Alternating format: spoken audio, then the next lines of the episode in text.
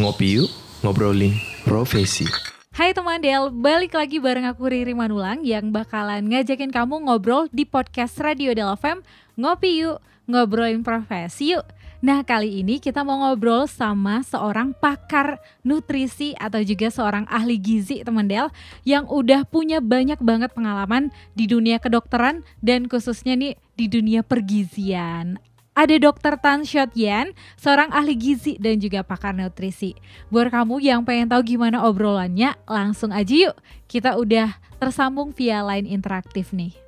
Halo selamat sore Dr. Tan, apa kabar? Alhamdulillah baik saya. Terima kasih. Oke, aku juga baik di sini dok. Ini ngomong-ngomong stay-nya di mana dok? Aku ada di aku ada di Serpong. Serpong itu ada di Tangerang Selatan, Banten provinsinya. Oke deh kalau gitu. Dokter, kita mau ngobrol-ngobrol tentang profesi dokter sebagai ahli gizi nih, Dok. Uh, yang pertama yang pengen kita tanya ini kira-kira kenapa sih dulunya dokter milih sebagai ahli gizi? Apa tuh yang melatar belakangi? Oke, sebelumnya kita bereskan dulu dengan terminologi ya. Nah, Mm-mm. terminologinya demikian. S1 saya adalah dokter. Kebetulan S1 saya dokter.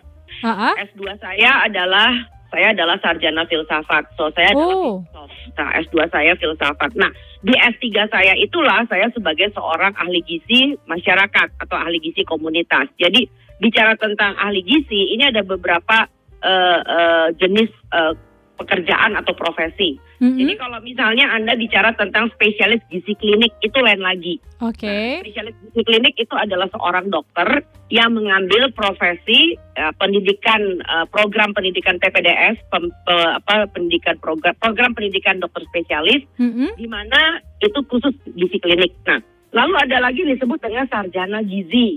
Oh, SGZ.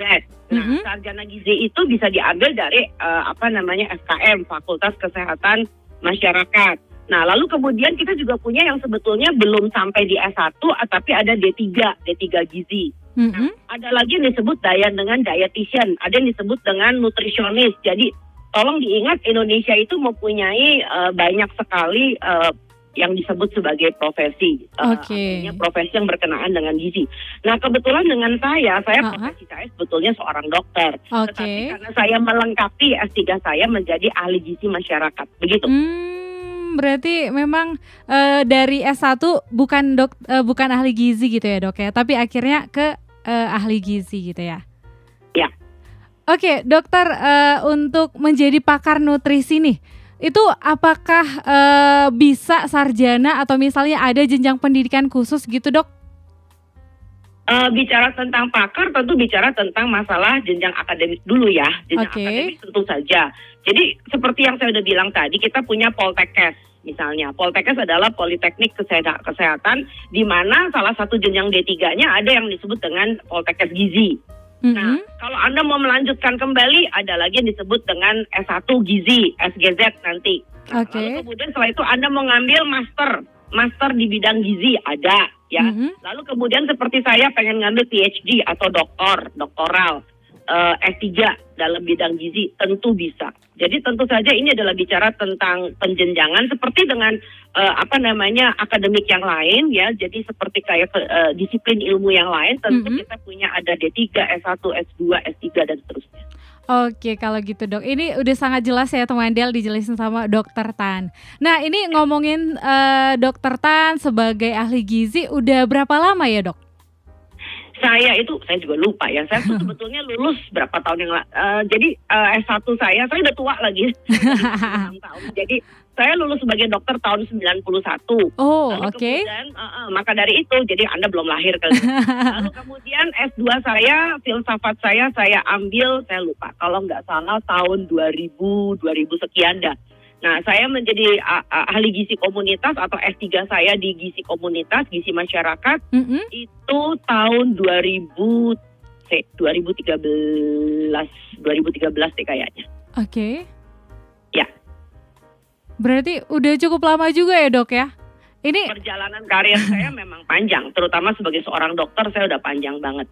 Oke, uh, pasti ada banyak nih asam manis, gak pokoknya uh, asam manis kehidupan khususnya di dunia perdokteran yang udah dokter alami. Nah Riri pengen tanya nih hal yang paling spesial yang gak terlupakan selama jadi seorang ahli gizi dok.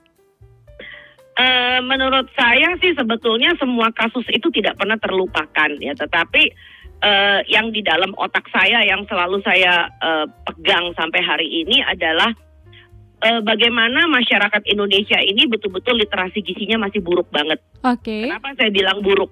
Karena orang Indonesia itu dalam soal makan aja ya, yang penting asal makan itu kenyang dan enak. Iya. Ya, dan orang Indonesia itu nggak pilih-pilih makanan. Uh -uh. Ya, sebetulnya nggak nggak rewel, nggak nggak nggak milih gitu loh. Tapi yang saya khawatirkan adalah semua kalian anggap sebagai makanan. Mm-hmm. Tapi Anda nggak bisa membedakan antara makanan dengan dagangan orang. Nah itu yang menjadi repot. Okay. Sehingga untuk memberikan suatu pemahaman tentang gizi di Indonesia itu intervensinya banyak banget.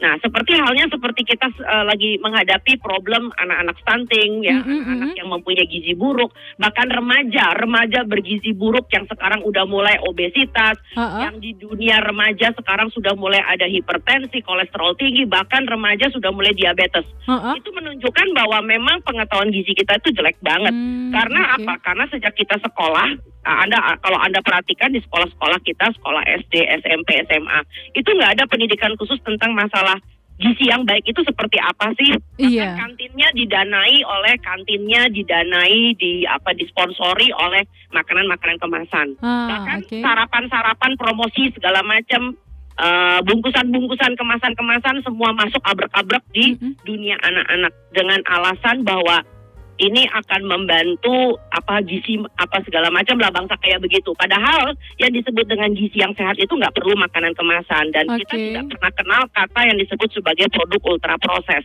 Nah uh -huh. itu yang ngerinya bukan main. Kenapa kita uh -huh. ketinggalan banget dengan dunia maju? Karena masyarakat kita tidak paham yang disebut dengan produk ultra proses dibandingkan dengan makanan yang minimally proses dan itu adalah makanan sehat. Hmm, oke. Okay. Berarti karena kebanyakan konsumsi makanan kemasan bisa dikatakan gitu ya, Dok? Iya, nah ini berkaitan dengan banyak sekali uh, apa namanya kita menyebutnya sebagai uh, kelit kelindan dari pentahelix. Nah, pentahelix gizi masyarakat itu tidak terkait dari campur tangan kontribusi pemerintah, media mm-hmm. seperti Anda. Mm-hmm. Lalu kemudian yang ketiga adalah masyarakat itu sendiri, keempat adalah dunia profesi atau pakar dan yang kelima tentu saja adalah pelaku bisnis.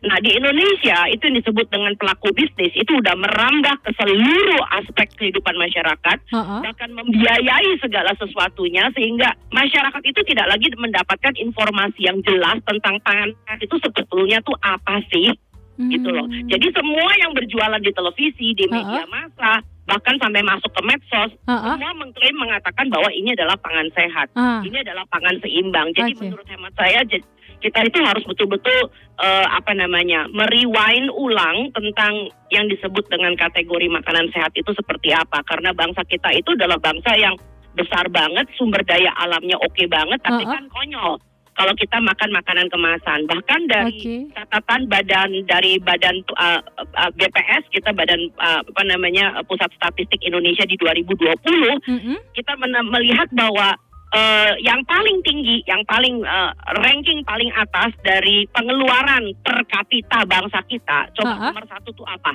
Makanan dan minuman jadi. Uh. Sedih banget. Uh -huh. Ranking nomor dua adalah rokok. Waduh. Ini konyolnya bukan main. Jadi dari situ kan kelihatan bahwa memang ilmu gizi kita uh masih tulalit banget gitu. Iya iya betul dok. Dan ini juga jadi uh, apa ya, informasi tambahan untuk teman Del. Apalagi kan pendengar kita ini orang muda dok. Jadi uh, kita bersyukur banget nih hari ini bisa ngobrol sama dokter Tan. Jadi uh, nextnya nih dok, aku pengen tanya kalau untuk edukasi ke teman Del juga, kira-kira untuk simpelnya gitu tips uh, memenuhi gizi harian itu dari dokter sendiri apa sih dok? Saya nggak mengatakan dari saya sendiri ya, sebab sejujur ngomong kasihan juga pemerintah Indonesia ya. Artinya Kementerian Kesehatan Republik Indonesia itu udah berkoar-koar, udah sampai berdarah-darah menjelaskan yang disebut dengan gizi seimbang. Mm-hmm. Nah, gizi seimbang itu artinya kita tiap hari mengkonsumsi seperti misalnya kalau tiap kali makan, jadi bukan makan siang doang loh ya, makan pagi, makan siang, makan malam, uh-huh. itu sudah kita sudah punya konsep nah yang namanya isi piringku. Okay. Nah, kalau kita tanya isi piringku itu siapa sih yang tahu hampir saya pernah melakukan suatu survei kecil ya, mm -hmm. hampir nggak ada yang tahu isi piringku tuh apa. Mm-mm. Jadi isi piring itu adalah suatu konsep yang sebetulnya di Amerika Serikat mereka sudah kenal lama banget. Mereka mengatakan my plate di Singapura mereka mengatakan my healthy plate. Nah di Malaysia mereka menyebutnya suku-suku separuh karena kelihatannya Oh. kayak piringnya itu kayak disekat-sekat. Nah, Oke. Indonesia sejak tahun 2000 berapa begitu sudah menjelaskan apa yang dimaksud dengan isi piringku. Jadi Oke. kalau Anda punya piring makan, kalau Mhm. Anda punya piring makan, maka separuh piring makan Anda itu isinya sayur dan buah. Oke. Nah, separuhnya lagi adalah makanan pokok dengan lauk. Mm-mm. Nah, yang menjadi problem adalah kan kalian balik separuh itu adalah makanan pokok. Mm-mm. Separohnya lagi adalah lauk atau bahkan lauknya cuma sepertiga. Iya. Lalu sayur dan buah ya udah nanti kalau inget aja gitu. loh. Uh-uh. Kan sedihnya bukan main. Iya. Ya padahal tanah air kita sekali lagi kaya dan kalau kita tidak memperhatikan tentang isi piring kalian setiap kali Anda makan, maka kita mempunyai risiko di masa depan karena begitu kita mempunyai kekurangan asupan sayur dan buah aja dalam sehari, maka Anda berhadapan dengan masalah penyakit yang tidak menular. Penyakit Hmm. tidak menular itu Oke. ya kita sebut sebagai obesitas, hipertensi, kolesterol tinggi, bahkan menjadi diabetes dan punya risiko kanker. Itu aja. Hmm, oke, baik dok kalau gitu. Eh, bisa disimpulkan kalau aku sendiri nangkap berarti kita ini seharusnya balik kembali ke makanan-makanan kayak sayur, buah yang seger-seger gitu ya dok ya, yang ada di sekitar kita gitu ya dok. Betul, dan itu tidak mahal sama sekali. Bukan buah import, bukan sayur import. Ya, sayur itu pun kadang-kadang bisa kalian pakai sebagai lalap. Sesimpel itu. Bukan salad, tetapi lalap. Sebab kalau salad, maka Anda akan banjur dengan yang namanya dressing. Nah, itu adalah Yes. jebakan Batman lagi, ya kan? Iya nah, betul begitu betul. pula dengan kalau sayurnya dimasak, it's okay. Mm-mm. Sayur bening bayam, capcay kuah, sayur asam, sayur daun singkong, gulai pakis, sup oyong. Ha-ha, Oh, itu adalah suatu hal yang tiap hari kita makan. Ya, buah juga buah lokal oke banget. Nah, begitu pula dengan lauk. Nah, bagaimana kita bisa mengurangi atau sama sekali tidak menggunakan gorengan lagi? Uh, Nah, banyak orang lalu kemudian dengan saya mengatakan, eh, berhentiin gorengan ya, dia bingung. Habis ikannya mau diapain dok? Masya. Allah. saya mengatakan, ya, kita punya banyak sekali eh, resep masakan asli orang Indonesia. iya. Kita bisa bikin sop, disote, Uh-uh. dipepes, digarang asam, dipespol, dipange, diarsik, Hmm. diwoku, dibakar dengan daun kita Betul, adalah betul. bangsa besar dengan begitu banyak jenis cara makan atau cara masak. Ya kenapa kiblat kita harus segala sesuatu harus digoreng, Goreng, harus ikutin iya. cara orang-orang asing. So, itu nggak masuk akal sama sekali. Ya, setuju, setuju. Eh, bener dok, jadi memang sesimpel mungkin sebenarnya lebih baik gitu ya dok ya? Ya simpel tapi tidak berarti praktis. Oke, siap. Nah, kalau dilihat nih dari akunnya dokter ya, dari eh, bio-nya kita bisa lihat ada tertulis Dr. Tan dan Rimanley Institute. Itu maksudnya apa ya, Dok? Ya, kami eh, sebetulnya saya dengan suami saya membuat eh, semacam institusi. Nah, di institusi kami ini eh, selain saya praktek sebagai dokter dan suami saya seorang akupunturis, Ha-ha. kami juga mempunyai suatu institusi yang kami cita-citakan suatu hari, insya Allah kita bisa mendidik masyarakat dengan lebih baik. Dan Oke. itu adalah suatu institusi di mana kami memberikan banyak sekali eh, ada kursusnya juga, Mhm. ada apa namanya istilahnya adalah self help. Self help itu adalah bagaimana secara non formal kalau masyarakat mau belajar, so Mhm. ada ada jalurnya. Itu Oke. juga kenapa kami mempunyai eh, apa namanya Instagram yang sifatnya untuk mendidik, untuk edukasi. Yang sama sekali kami haramkan Ha-ha. tidak boleh ada campur tangan endorser Oh. jual-jualan sama Oke. sekali tidak. Karena akhirnya nanti begitu kayak begituan masuk nanti kepentingannya menjadi berbelok Yes. bukan? Betul, Ya. betul. Setuju, Dok. Kalau mau lihat Insta Instagramnya dokter bisa di mana nih, Dok? Eh, Instagram saya mah gampang banget at Dr. Tan Shiotian itu aja. Oke, at dokter Tan teman Del. Terus ini untuk eh, pesan dokter ya, untuk kita sebagai anak muda, eh, gimana supaya kita tetap bisa sehat bugar gitu dok? Untuk menjadi sehat bugar itu gampang banget. Kita punya yang disebut dengan pesan empat gizi empat pilar gizi seimbang ya. Empat pilar gizi seimbang itu di dalamnya terdapat eh, empat pesan sebetulnya. Yang pertama adalah makanlah makanan yang beragam. Itu udah pasti. Jadi bukan berarti kalau misalnya kamu butuh eh, karbohidrat bukan berarti cuma nasi doang. Oke. Kita punya ubi, singkong, kentang, jagung, Uh-uh. talas dan sebagainya. Makanlah makanan yang beragam. Yang Oke. kedua adalah selalu harus ada aktivitas fisik. Hmm, Ya, jadi makannya benar, tapi kalau nggak olahraga nggak benar juga. Oke. Nah, yang ketiga tentu saja menjalani pola hidup bersih dan sehat (PHBS). ya. Jadi sebelum kita punya corona ini, Uh-uh. PHBS itu sudah ada di dalam empat pilar gizi seimbang. Dan yang keempat adalah selalu timbang berat badan. Oke. Semudah itu, ya. Jadi eh, barangkali menurut hemat saya Mm-mm. menjadi sehat itu murah banget. Uh-uh. Yang mahal itu kalau sakit loh mbak. Yes, betul betul dok. Kalau sakit itu bahaya ya, biayanya nggak tanggung-tanggung ya dok ya. Terus ini yang terakhir pesan dokter untuk anak muda yang lagi mencari eh, profesi idamannya atau juga dream jobnya atau mungkin yang pengen jadi seorang ahli gizi apa nih eh, pesan buat teman Del?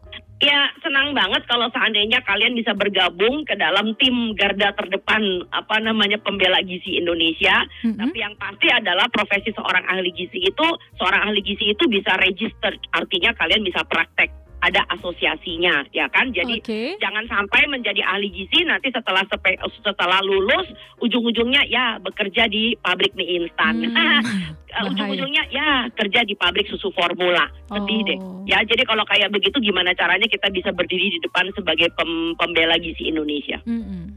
Oke, siap. Makasih banyak Dokter Tan udah Sama-sama, share buat kita sore Ya. ini. Sehat-sehat terus.